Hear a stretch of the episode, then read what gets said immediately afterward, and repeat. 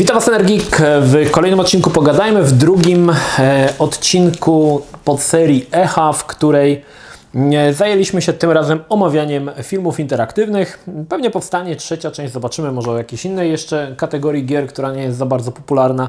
No ale dzisiaj o e, grach, mm, grach, które nie są za bardzo popularne, czyli filmy interaktywne, wiele z tych gier, które są uważane za filmy interaktywne, w mojej opinii nie powinny być nazywane filmami interaktywnymi i dzisiaj mam nadzieję więcej takich tytułów się pojawi. Yy, no, zatrzymaliśmy się na roku 1985 yy, i możemy iść yy, sobie dalej. 1988 rok. To był rok, w którym wyszła pierwsza samodzielna gra Hideo Kojimy. Gra nazywała się Snatcher, jest bardzo mało znana w Polsce, właściwie w ogóle jest bardzo mało znana. Jeżeli jesteście zainteresowani materiałem o tej grze, odsyłam Was do e, mojego odcinka Retro Story, którego w sumie nikt nie oglądał prawie. mało interesujący temat. Snatcher był grą, która zapoczątkowała tak zwane visual novel, czyli e, japońskie e, takie jakby można powiedzieć, że to filmy interaktywne, coś w postaci e, japońskich takich przygodówek e, ze screenami, gdzie na dole mieliśmy tekst, a tutaj wyświetlały nam się jakieś obrazki e, postaci, z którymi rozmawiamy, czy lokacji, w których aktualnie przebywamy. Hideo Kojima zrobił naprawdę świetnie tą grę i jest to jeden z naprawdę mega fajnych tytułów, zwłaszcza, że jest bardzo dużo w tej grze jest elementów, które Hideo Kojima później będzie wykorzystywał w swoich dalszych grach, na przykład y, robocik Metal Gear Mark II, który pojawił się w Metal Gear Solid 4, Guns of the Patriots. Pierwszy raz pojawił się w Snatcherze tak naprawdę. Gra była bardzo słabo znana z tego względu, że E, wyszły co prawda wersje na e, japońskie wersje na PC Engine, na Sega Saturn i na PlayStation, natomiast wszystkie były po japońsku. Jedyna wersja, która pojawiła się po angielsku, pojawiła się na Sega Saturn i jest to jedna z najdroższych gier i najtrudniejszych gier do zdobycia aktualnie. Dlatego no, mało kto ją, w nią grał i mało kto miał szansę się zapoznać. Ale jest, jeżeli jesteście zaciekawieni, odsyłam do mojego odcinka Retro Story. Natomiast nie, Visual novel to tak naprawdę nie było czymś nowym. Tak mi się wydaje, że to troszkę wyewoluowało z klasycznych przygodówek z lat 80., gdzie na początku same przygodówki były tylko tekstowe. Pojawił się tylko tekst, to było na zasadzie, wiecie, książki paragrafowej, tylko że tu miałeś to wszystko na monitorze. Czyli widzisz przed sobą drogę północ, wschód, zachód, klikałeś idę na północ, postać niby szła na północ i pojawia się kolejna szpalta tekstu typu przyszedłeś na północ, widzisz tam drzewo i co możesz z tym drzewem zrobić i tak dalej. Z czasem gry przygodowe, w grach przygodowych zaczęły pojawiać się screeny, które mniej więcej pokazywały to, co nasz bohater widzi. Oczywiście to było bardzo szczątkowe, to nawet nie były zdjęcia, to bo zazwyczaj były te pierwsze gry przygodowe, to miały taką szczątkową grafikę w zasadzie tylko składającą się z linii. Po to też odsyłam do e, pierwszego odcinka Echa o przygodówkach. Natomiast Snatcher był troszkę inaczej rozwiązaną grą. To nadal była gra stricte mm, e, w zasadzie tekstowa, E, ale te screeny, które się pojawiały, tam się coś ruszało, były jakieś animacje, także więcej jakby się działo na tych obrazkach. One nie były statyczne, tam więcej coś się działo. No i oczywiście bohater miał e, pewną taką swobodę ruchów, bo Snatcher wbrew pozorom jest, można powiedzieć, grą z otwartym światem. To jest w ogóle niesamowite, jak gra e, tekstowa może być grą z otwartym światem. E, większość gier przygodowych w tamtym czasie polegała na tym, że aby przejść dalej, musiałeś coś zrobić. Tak? Czasami były na przykład 4-5 lokacji, po których musiałeś się poruszać, ale żeby coś zrobić, musiałeś, żeby przejść dalej, musiałeś zrobić. Tutaj mieliśmy jakby do dyspozycji całe miasto, znaczy lokacje w całym mieście, których mogliśmy się udać w dowolnym, w dowolnym czasie i e, coś zrobić. To to, otwarty świat to jest tak o wiele, wiele za dużo powiedziane. Niemniej dawało taką złudę pewnej wolności, że możesz robić, e, co Ci się żewnie podoba. I tutaj jest, e, jeżeli przyrównamy sobie do tych wcześniejszych e, gier, które były takim typowym filmem Interactive Movie, czyli na przykład, nie wiem, Times Gal czy Cobra Command, czyli grami, które miały animacje, czy tam te filmiki zrobione po prostu w stylu anime, no to Snatcher się mocno z tego wyłamywał, bo e, tutaj nie było aż tak spektakularnych animacji. Zdarzały się, ale one nie były za bardzo za długie i było ich dosyć mało. Głównie gra polegała na statycznym obrazku i e, elementach, które możemy wybrać z podręcznego menu, co chcemy aktualnie zrobić. Także y, tu bym się kłócił ogólnie, czy to był film interaktywny, ale w wielu publikacjach, y, czy na przykład y, w jakichś tam artykułach, recenzjach na necie, znajdziecie informację, że właśnie ta, ta gra była E, filmem interaktywnym i do nich jest zaliczana. Więc tak naprawdę, gdybyśmy zaliczyli Snatchera do filmów interaktywnych, to każda gra z gatunku visual novel teoretycznie powinna być też przeniesiona do E, filmów interaktywnych, jeżeli tylko była w niej jakakolwiek możliwość wyboru, bo są takie visual novel, gdzie po prostu oglądasz i czytasz, i czytasz, i czytasz, ale zazwyczaj mamy jakieś tam możliwości wybrania kwestii dialogowej, więc teoretycznie każda taka gra powinna być uznawana za e, film interaktywny i ja, film interaktywny i ja się z tym za bardzo nie zgadzam. W mojej opinii Snatcher to jest e, klasyczna przygodówka, ale tutaj te... Mm, rodzaje tych gier, czy to przygodówka, point and click, czy film interaktywny, ta granica będzie bardzo płynna, bardzo płynna i e, często będzie w zasadzie gra przygodowa będzie mogła być filmem interaktywnym i film interaktywny będzie mógł być grą przygodową. Także to jest dosyć taka płynna i tutaj musimy sami sobie we własnym zakresie jakby rozdzielić, co uważamy za film interaktywny, no a co nie. E, w 1990 roku, e, kiedy popularne już były te automaty z e, filmami interaktywnymi, typu tam Dragon Slayer, te wszystkie, które, które wspomniałem, pojawia się pierwszy Mad Dog McCree. Mad Dog McCree, który tak naprawdę był, e, można powiedzieć, tą wariacją z 1974 roku Wild Gunman od Nintendo. Mieliśmy ponownie Light Gun. Ponownie na Dzikim Zachodzie. Nie wiem dlaczego filmy interaktywne tak lubią Dziki Zachód. Mieliśmy pewną swobodę, ponieważ Mad Dog McCree to była gra, gdzie strzelaliśmy do kowbojów. Podobnie zresztą jak Badlands też jeszcze nie wspomniałem. Jednak różnica tutaj polegała na tym, że nie musieliśmy naciskać klawisza w odpowiednim momencie, ale mieliśmy pistolet, light gun, czyli podobnie jak Wild Gunman i musieliśmy strzelać do pojawiających się e, bandytów na ekranie.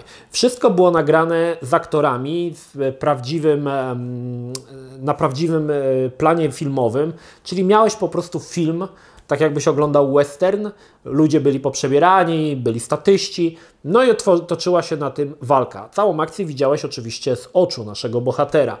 E, była tam pewna doza wolności, ponieważ mogłeś wybrać e, jedną z czterech lokacji, do których mogłeś się udać i tak musiałeś każdą przejść, aby na końcu stanąć do pojedynku z samym tytułowym Mad Dogiem. Gra była, tak jak mówię, no, strzelanką, czyli tak jak Wild Gunman.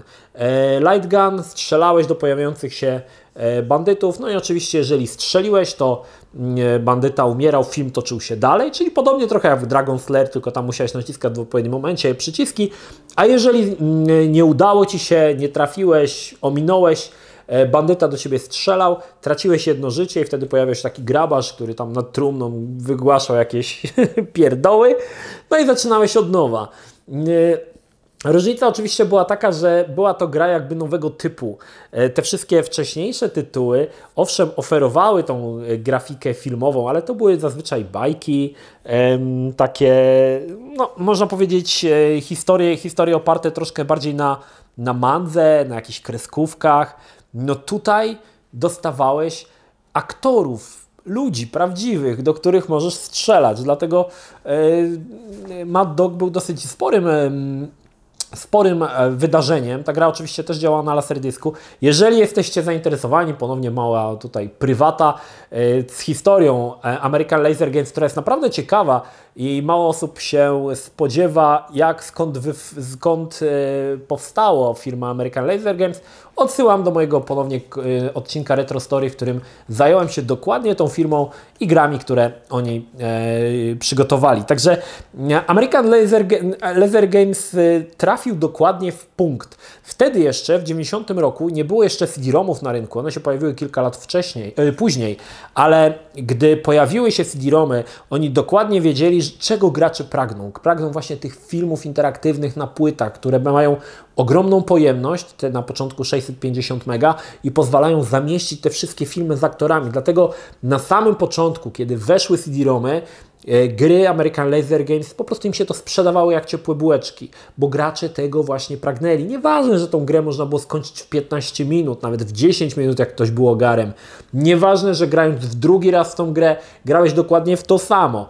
Gracze grali w to non-stop. Ja wiem, bo to patrzę z własnej autopsji, kiedy yy, pierwszego Mad Dog McCree 2 przyniosłem do domu, ja go skończyłem w przeciągu jakichś 20 minut i ja potem grałem w to wielokrotnie, wielokrotnie, wielokrotnie, wielokrotnie i mi to się nie nudziło. To mi się nie nudziło, bo to był, to był film na komputerze, to było dla mnie coś niesamowitego. Oczywiście różnica była taka, że e, ten pierwszy Mad Dog McCree e, no, na początku, gdy był na laserdisku, no to to nie była płyta CD, więc jakość tego filmu była o wiele lepsza. Laserdisc oferował troszkę, wtedy jeszcze nie było tak naprawdę płyt CD, więc oferował dobrą jakość. E, grałem na oryginalnym takim automacie. Automat miał 50-calowy monitor, telewizor. Były w dwóch wersjach te gry. Jedna była taka biedniejsza, ale ja grałem w tą bogatszą. Nawet nie pamiętam gdzie. Gdzieś ten automat był.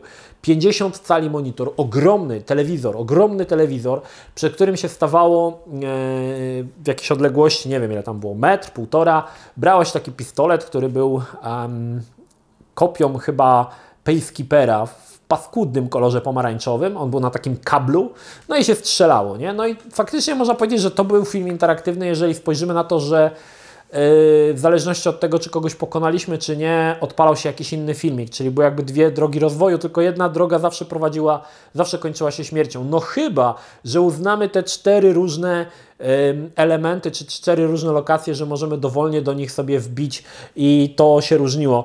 Mad Dog McCree 2 będzie troszkę bardziej interaktywny niż jedynka, ale o tym do tego sobie dojdziemy. Natomiast znając jedynkę, jeżeli już przeszedłeś tą jedynkę kilka razy, znałeś dokładnie, gdzie pojawili się przeciwnicy, więc gra z każdym raz, za każdym razem była po prostu łatwiejsza, jeżeli dobrze pamiętałeś, gdzie e, wszyscy przeciwnicy się się ustawili. No i dochodzimy do roku 91. W 91 roku pokazuje się Dragon Slayer 2 Time Warp. I tutaj miałem pewien problem z tym Dragon Slayerem. Okazuje się, że Dragon Slayer 2 wyszedł i on się nazywał Time Warp, natomiast to nie jest ta gra, która pojawiła się na mm, PC-tach, na dyskietkach, którą pokazywałem Wam wcześniej, ponieważ to była gra o wiele dłuższa. Oczywiście mm, ta wersja na PC-cie miała te wszystkie sceny, tylko miała, ich, miała dużo tych scen, tylko miała dużo, kilka miała tych scen, bardzo dużo miała ich powycinanych po prostu, żeby to się zmieniło, zmieściło na dyskietkach. Natomiast tutaj to nadal była ta gra e, na laserdysku. Cała idea pozostała dokładnie ta sama. Lata mijały, bo od pierwszego e, e, e, Dragon Slayera minęło trochę lat, ale mimo wszystko cała idea, cały pomysł był dokładnie, dokładnie taki sam, czyli mm, patrzę w którym roku był Dragons, 83, tu mamy już 91 rok, czyli 8 lat później. Cała gra była dokładnie taka sama, czyli naciskaj przyciski w odpowiednim momencie, aby popchnąć film dalej. Jeżeli Ci się nie uda, zobaczysz śmierć bohatera i zaczynasz od nowa. Więc to było dosyć, dosyć dziwne, bo e, zobaczcie, dzisiaj 8 lat w grach wideo, to to jest to jest dekada, to już nie ma do czego wracać. Owszem, te gry się już tak mocno nie starzeją, ale e, dzisiaj grając na przykład grę, która już ma 8 lat, widzisz jej archaizm. Kiedyś nie dość, że zrobiono dokładnie to samo, bo Dragons jest dokładnie tą samą grą, to ludzie i tak w to grali, to i tak w to grali. Także, znaczy ogólnie to trochę jest tak, że Dragon Slayer jest grą, która ma mm, bardzo duże, znaczy nie wiem czy bardzo duże, duże grono swoich wyznawców, dlatego y, firmie, która wykupiła y, prawa, czyli Digital Leisure, opłaca się wydawać te gry cały czas na nowych nośnikach.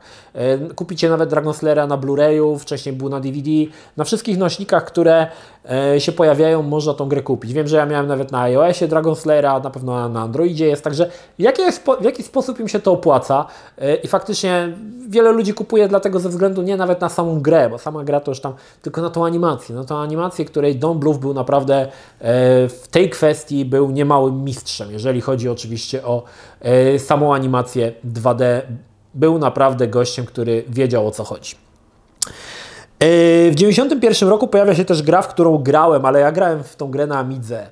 I powiedzmy tutaj musimy rozróżnić, bo wyszła wersja na Amigę, która nie była filmem interaktywnym, ale wyszła też gra na konsolę na TurboGrafx CD i to się nazywało It Came from the Desert. Jeżeli graliście na Amigę, w tą grę. Podejrzewam, że większość z Was może, jeżeli grała, to zna wersję z Amigi. To nie jest ta gra, która była na TurboGrafx. Cała idea była taka sama. To była gra, która bazowała na filmach klasy B, gdzie atakowały nas ogromne mrówki.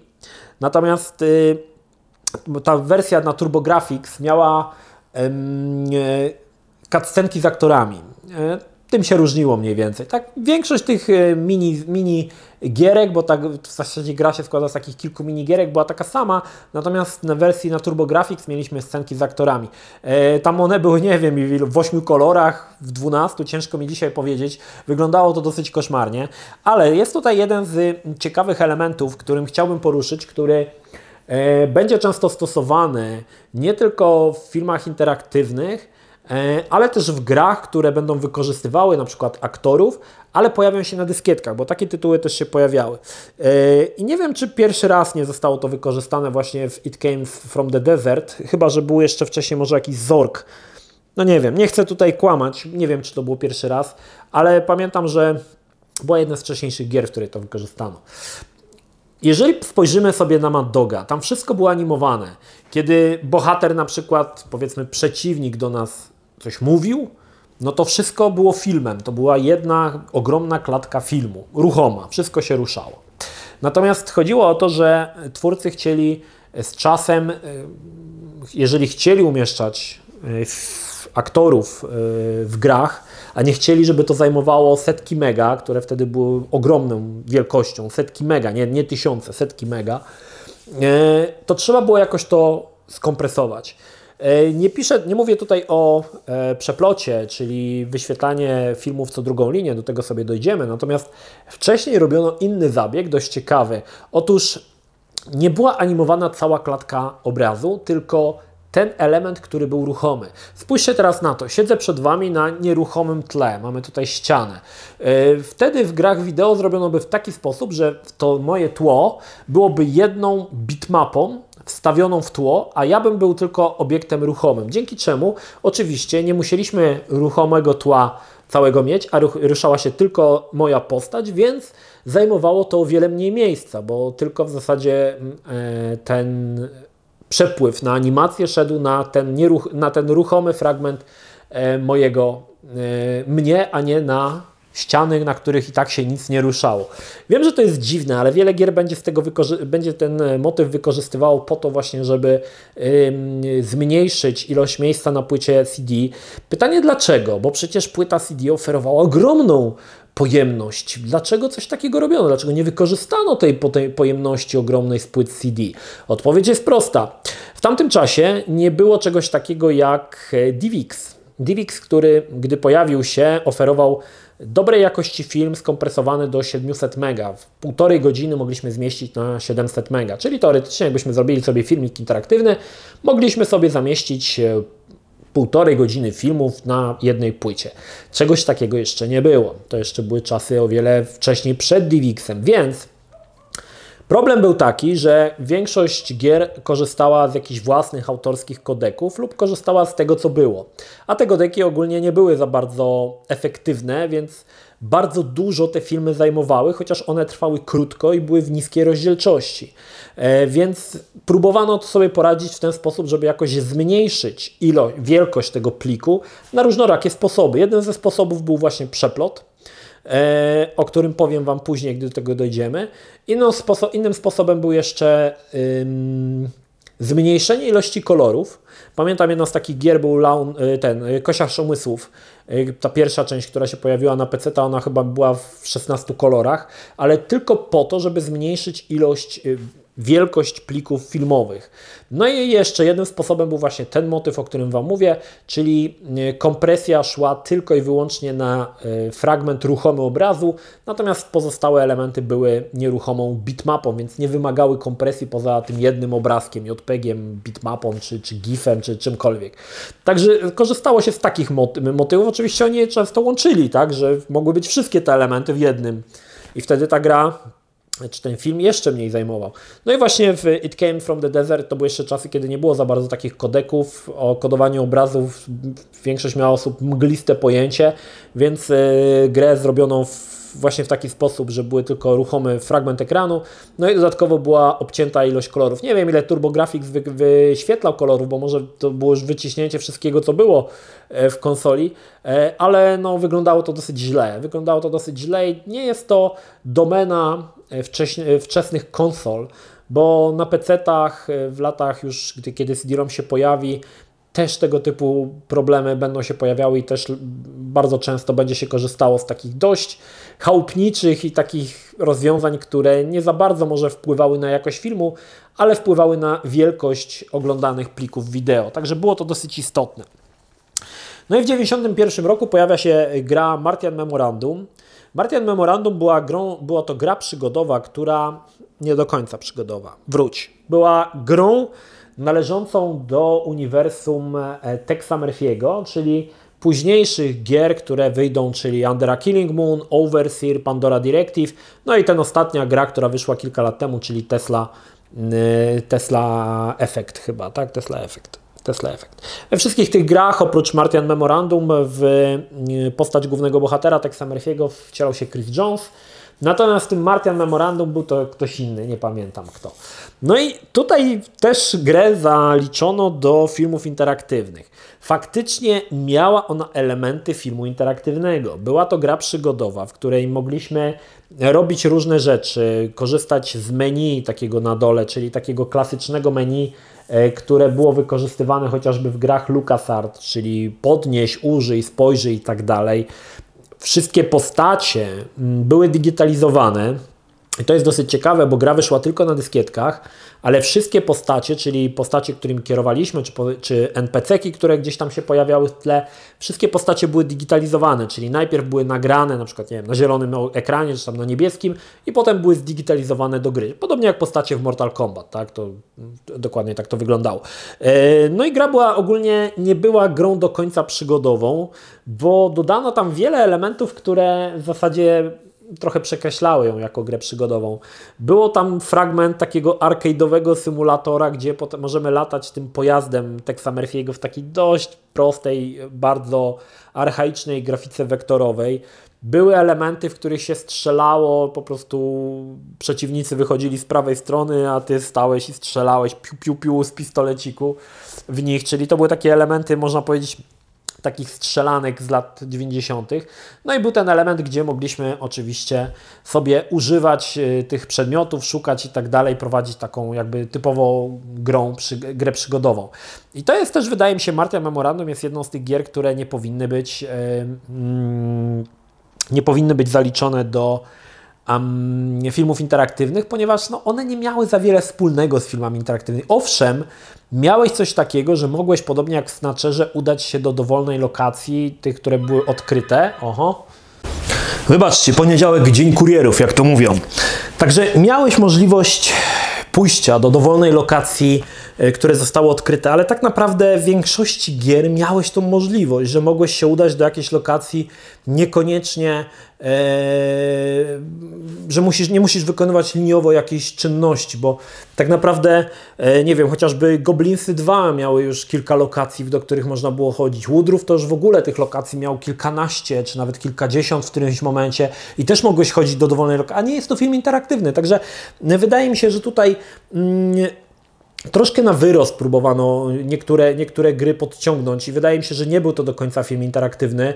Miał on pewne znamiona filmu interaktywnego, ale samo to, że były postacie digitalizowane, jeżeli byśmy brali pod tym em, kątem gry, że mają digitalizowane postacie, więc teoretycznie Mortal Kombat też powinien być filmem interaktywnym, bo też masz wpływ na to, jak się potoczy historia, czy tam walka i tak dalej. No ale nie było, tak? Także no ta granica, czy tam ten gatunek jest dosyć taki trudny, jeżeli chodzi o e, definicję i tutaj pokazuję Wam te przykłady, które nie do końca według mnie, nie, według mnie pasowały.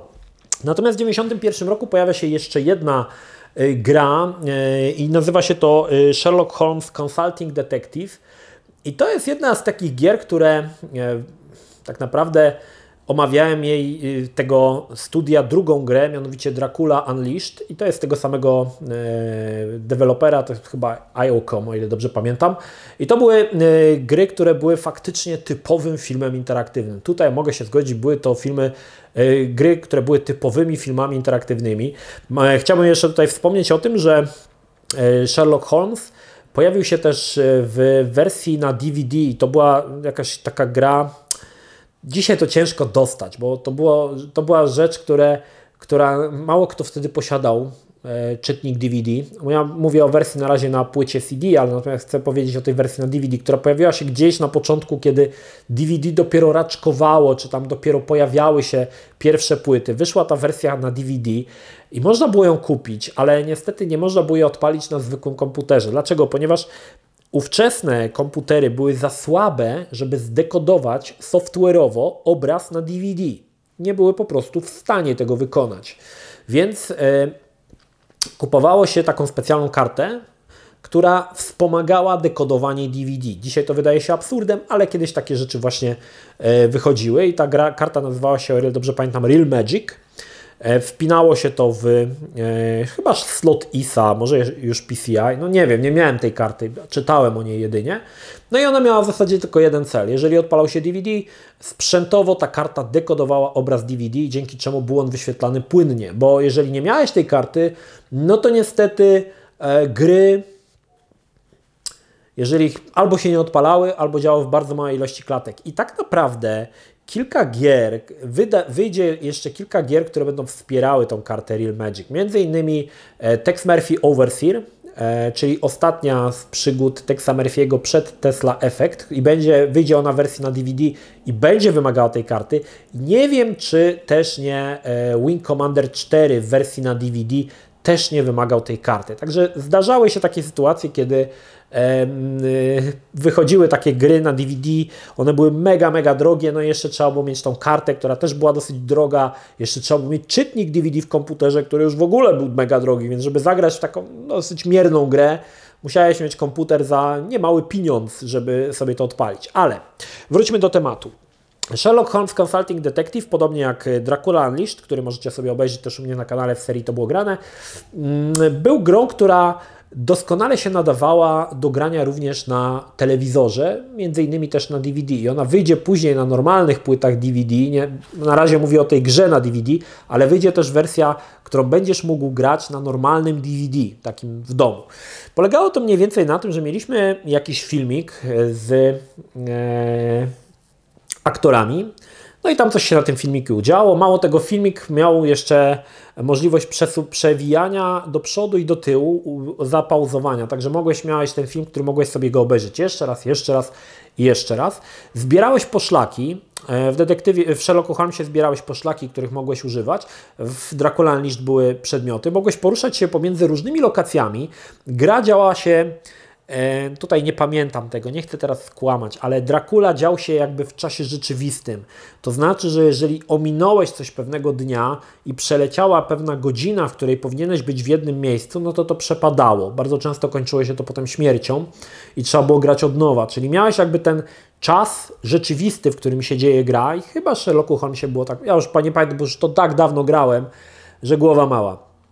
W każdym razie, E, miało to bardzo duże znamiona filmu interaktywnego. Po pierwsze, dlatego, że mogłeś faktycznie iść do dowolnej lokacji, mogłeś e, wziąć jakiś przedmiot i spróbować wykorzystać go w danej lokacji, czy też użyć jakiejś, e, jakiejś poszlaki, którą zebrałeś, bo te poszlaki też się tam pojawiały w menu, które mogłeś używać. Prowadziłeś rozmowy na zasadzie filmu dia z dialogami. No, w zasadzie nie miałeś tam do wyboru dialogów, tylko oglądałeś film. I no to się faktycznie działo, jakbyś miał, oglądałeś jakby film z Sherlockiem Holmesem i miałeś wpływ na to, co będzie dalej. Podobnie zresztą jak w Dracula Unleashed, yy, którego grałem może trochę później, lepiej po prostu pamiętam, o ty, może tyle, tak to, tak to ujmę.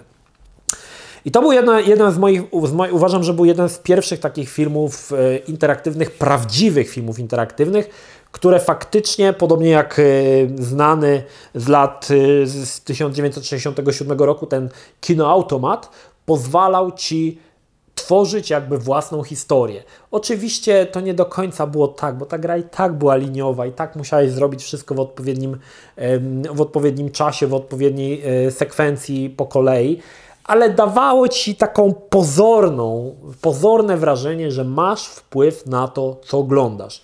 E, więc no, uważam, że to, że to było ok. Znaczy, gra nie była jakoś super. Sherlock Holmes ogólnie uważam, że gry z Sherlockiem Holmesem to straszne zamulacze. E, natomiast Dracula lepiej według mnie wyszedł niż Sherlock Holmes, ale było coś takiego, nie? Coś takiego się, e, coś takiego właśnie się pojawiło. I tutaj jeszcze ciekawostka, tak jak powiedziałem, gra pojawiła się i Dracula i chyba ten Sherlock Holmes pojawiły się jako normalne płyty DVD, które wkładałeś do normalnego czytnika w swoim DVD i mogłeś w tą grę grać. Nie, wymaga, nie wymagało to od Ciebie posiadania pada, bo grałeś na pilocie. Nie wymagało, jak, jak e, zapewne możecie sobie domyśleć, e, sobie e, założyć, nie wymagało jakichś tam e, przystawek, cudów, kart. To działało na normalnym DVD jako normalna gra. I chyba, jeżeli się nie mylę, też tą grę wydał e, Digital Leisure w swoim czasie, ale tutaj nie jestem do końca pewien. Nie śledziłem już losów tych, e, tych gier, akurat może e, tutaj Sherlocka Holmesa, bo mnie to za bardzo nie interesowało, ale chyba to wyszło właśnie przez Digital Leisure wydane. Także to był też taki, można powiedzieć, film interaktywny, bardziej typowy film interaktywny, który faktycznie miał znamiona prowadzenia historii, oglądania historii i takiego pozornego pozornie miałeś wpływ na to, co widzisz na, e, na ekranie. Pozostaniemy jeszcze w roku 1991, bo mamy tutaj jeszcze dwie gry. Najpierw omówię drugą grę od American Laser Games.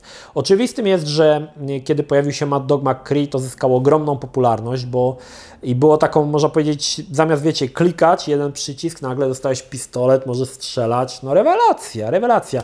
I American Laser Games doskonale, doskonale to rozumiał. Oni tu jeszcze wspomnę taki mały sneak peek, e, mały taki sneak peek odnośnie mojego materiału Retro Story. Oni się wywodzili z nie, firma, firma robiła wcześniej symulatory dla policji i CIA, także e, oparte właśnie na takich filmach, filmach interaktywnych. To ponownie odsyłam do mojego Retro Story, więc e, Jasnym jest, że te gry się okazało, że są mega popularne i e, firma złapała mocno wiatr w żagle i postanowiła kuć żelazo póki gorące i w tym samym e, roku, w 2000, 1991 roku wychodzi Hushot Johnny Rock. Nie powtórzono już e, Dzikiego Zachodu i strzelania do bandytów. Tym razem gra działa się w czasach prohibicji, więc mieliśmy gangsterów. I tutaj e, trzeba przyznać, że o ile American Laser Games przy pierwszym Mad Dogu zrobił grę, można powiedzieć, mocno liniową, w Hushot Johnny Rock próbował gdzieś tą liniowość złamać. Robił to w różny dziwny sposób, ale powiedzmy, że na tamte czasy to troszkę miało sens. Ponieważ jeżeli stanąłeś przy automacie z, z Mad Dog McCree i znałeś już ustawienie wszystkich przeciwników, to mogłeś przejść całą grę na jednym żetonie. Zresztą podobnie jak Dragon Slayer. Jeżeli znałeś sekwencję, mogłeś całą grę przejść na jednym żetonie. Nie było problemu. Więc postanowiono troszkę z tym powalczyć. Oczywiście grę odpowiednio wydłużono. E, taka mała, dla Was taka mała, mm, jak wyglądało to wielkościowo. Na PC powiem, bo nie wiem jak wyglądało na laserdisku. Na PC Mad Dog McCree pierwszy zajmował chyba 115 MB, Hushot Johnny Rock zajmował 420 albo 450, czyli różnica spora, prawie 4 razy więcej, więc więcej było tych sekwencji. No, dodano też taką, ponownie dodano też możliwość, że możesz pójść na takiej mapie do dowolnego miejsca na mapie, gdzie y, chcesz odegrać daną sekwencję, czyli tak jak y, było to w Mad Dogu, tam miałeś cztery, tutaj było ich trochę więcej, ale postanowiono troszkę mm, tym graczom utrudnić życie, którzy pamiętali ustawienie wszystkich przeciwników. Niektóre sekwencje były nagrane wielokrotnie i były odtwarzane losowo. Podam Wam przykład. Jest taki moment w Hushot Genero, gdzie wchodzi mm, facet i kobieta, o ile dobrze pamiętam, czy dwóch facetów i mają pudełka. I z tych pudełek albo jeden wyciągnie broń, albo obydwaj na przykład wyciągną bukiety róż. Tego nie wiesz, to jest losowo dobierane, tak? Nie wiem, tych sekwencji chyba było albo trzy, albo dwie, nie pamiętam już teraz, czy było, że albo obydwaj wyciągną róże, jeden wyciągnie róże i pistolet, albo może nawet więcej było tych sekwencji, już teraz nie kojarzę. Więc one się odtwarzały losowo, więc nie wiedziałeś, czy będziesz musiał, oczywiście jak zastrzelisz niewinnego, no to też tracisz życie, więc nie wiedziałeś, co to, yy, co się stanie. Również w sekwencjach yy, strzelanin, yy, trochę próbowano zrobić tutaj też powalczyć z tą, z tą liniowością. I zrobiono to w taki sposób, że sekwencje, które były na statycznym ekranie, czyli na nieruchomej kamerze, nagrywano e, przeciwników w różnych oczywiście miejscach, gdzie do nas strzelali, zazwyczaj było to zrobione w ten sposób, bardzo sprytnie zresztą, że jeżeli zabiło się jakiegoś przeciwnika, to on nie padał na ekran, tylko chował się za rekwizyt, tak że go nie było widać. Więc taką sekwencję yy, nagrywano z każdym przeciwnikiem w różnych miejscach ekranu, no i teraz yy, po prostu w zależności od tego, jak ta sekwencja była, losowo dobierał, który fragmencik danej sekwencji, który przeciwnik ma wyskoczyć. O ile w Who Shot Johnny Rock to miało znaczy, dawało radę i wyglądało ok, gorzej było na przykład w Mad Dog McCree, który dział się na yy, świeżym powietrzu. Więc problem był taki, że oglądałeś film i nagle widzisz, że chmury na niebie nagle się cofają do tyłu, bo sekwencja, która teraz się pojawi przeciwnik, była nagrana wcześniej, więc było pokazane, że wiecie, był taki przeskok. To widać właśnie było najbardziej na chmurach na niebie. No w Hushot Johnny Rock, który ogólnie był nagrywany w lokacjach takich dosyć ciemnych, e, Tutaj ten element nie, nie, występował, chociaż i tak było widać przesunięcie pewne, że e, film jakby cofa się lub w którymś momencie e, ta sekwencja będzie z innego kawałka materiału filmowego przed nami tutaj będzie wgrana i pokazana. Także próbowano robić coś ten, tutaj z tą, z tą liniowością i American Laser Games dobrze sobie radziło w tej kwestii. Uważam, że Hushot Johnny Rock może nie, ale Największym dokonaniem w mojej opinii jest druga część Crime Patrol, czyli Drug Wars, gdzie naprawdę już próbowano pocisnąć tą, tą liniowość, ją zaburzyć, tak? E, a może to w Last Bounty Hunter uważam? Nie, chyba Drag, Drag Wars było najlepsze w mojej opinii z tych wszystkich gier. Także, no, American Laser, Laser Games będzie się jeszcze przewijało tutaj, no, miało to oczywiście funkcję filmu interaktywnego, gra też pojawiła się na PC. Niestety była to druga gra od American Laser Games, która pojawia się na PC i jeszcze nie ogarnięto za bardzo kompresji i w zasadzie ta gra jest niegrywalna, bo jest tak pomazana, piksele są takie wielkie, po prostu po gałach biją i wygląda to dosyć słabo. E, nawet Mad Dog 2 też nie jest jeszcze grą, która dobrze ogarnęła kompresję, na której dobrze ogarnęli kompresję. Tam są bardzo nierówne momenty. Są na przykład początek, gdzie są gigantyczne piksele, gra wygląda jakby była w 240 na 120 pikseli autentycznie, a potem się odpala na przykład sekwencja, która wygląda jest w 320 na 240, także oni nie do końca jeszcze to ogarniali, co tam się dzieje z tą kompresją.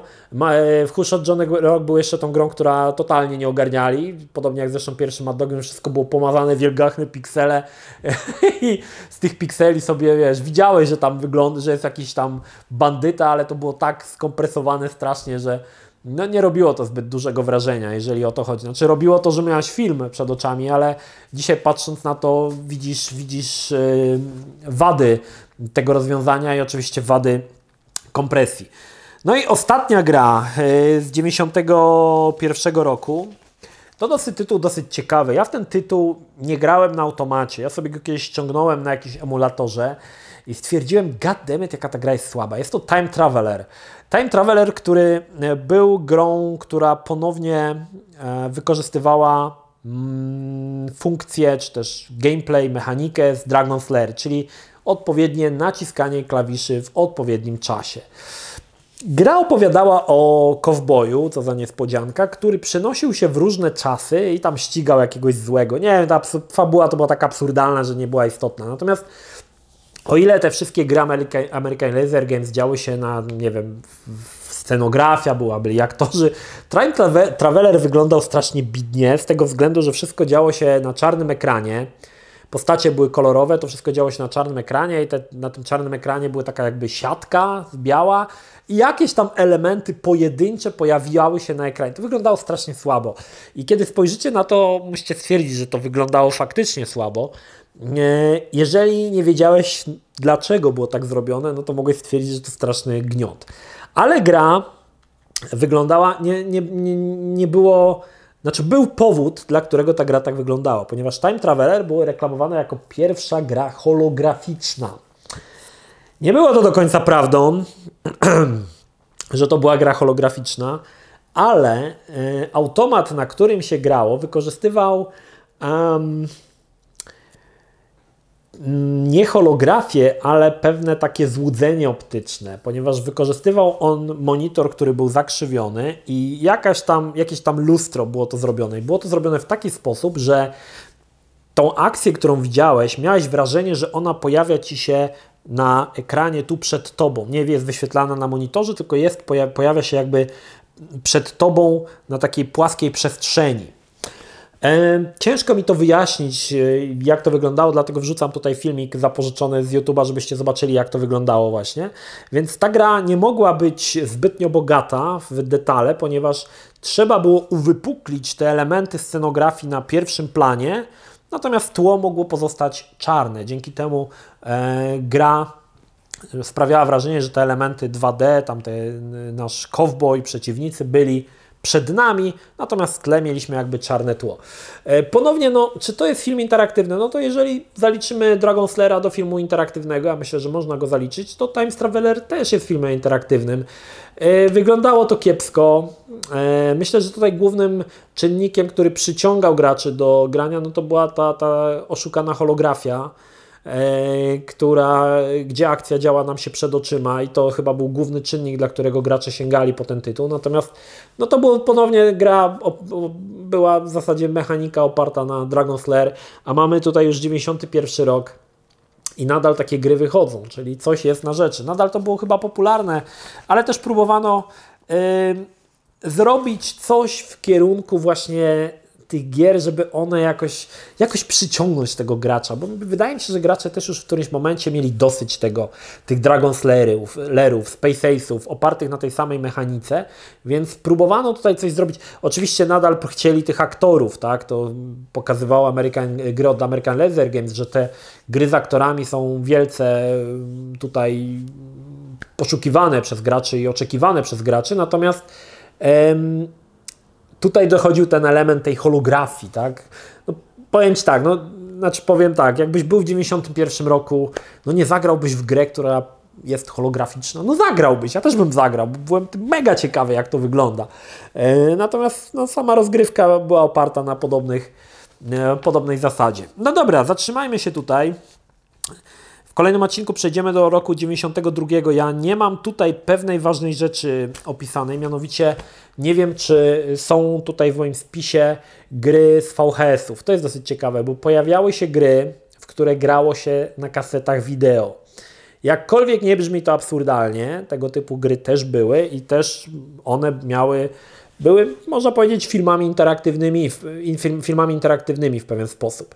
E, nośnik jak nośnik. Kaseta wideo jest, jeżeli ktoś wie, jak działa kaseta wideo, no to wie, że to nie jest laserdysk. To nie jest tak, że możesz dograć sobie pewien fragment z laserdysku w dowolnym momencie. Kaseta wideo idzie od przodu do, od tyłu, znaczy idzie liniowo, tak? Przesuwa się taśma, jak kaseta magnetofonowa. No, przy laserdyskach mogło laser dobrać y, różne ścieżki na, y, na laserdysku, natomiast Kaseta wideo raczej, raczej tego możliwości nie miała, ale pojawiały się takie rzeczy. Gier nie wyszło dużo na kasety wideo, może z 6 albo z 7. To też była specjalna jakaś tam specjalna konsola. Jeżeli jej nie ma, to tutaj, jeżeli już to było wcześniej niż w 92 roku, bo nie pamiętam w którym roku te gry powstały, to zrobimy sobie w następnym odcinku taki mały powrót do przeszłości i opowiem o tych grach, no i potem zajmiemy się latami kolejnymi. To tyle. Mam nadzieję, że Wam się podobało, że trochę fajnej wiedzy się tutaj żeście łyknęli. Mam nadzieję, że podobały Wam się te gameplaye szalone z tych gier. No i cóż, temat, temat nadal pozostaje otwarty. Czekam na Wasz feedback, czy Wam się podobało i czy chcecie zobaczyć kolejną część Echa o filmach interaktywnych, które w mojej opinii są bardzo ciekawym tematem i fajnie pokazują rozwój gier wideo w zamierzchłych, obmierzłych, obmurszałych czasach. To tyle. Pozdrawiam Was, Energik. Trzymajcie się. Do następnego. Cześć.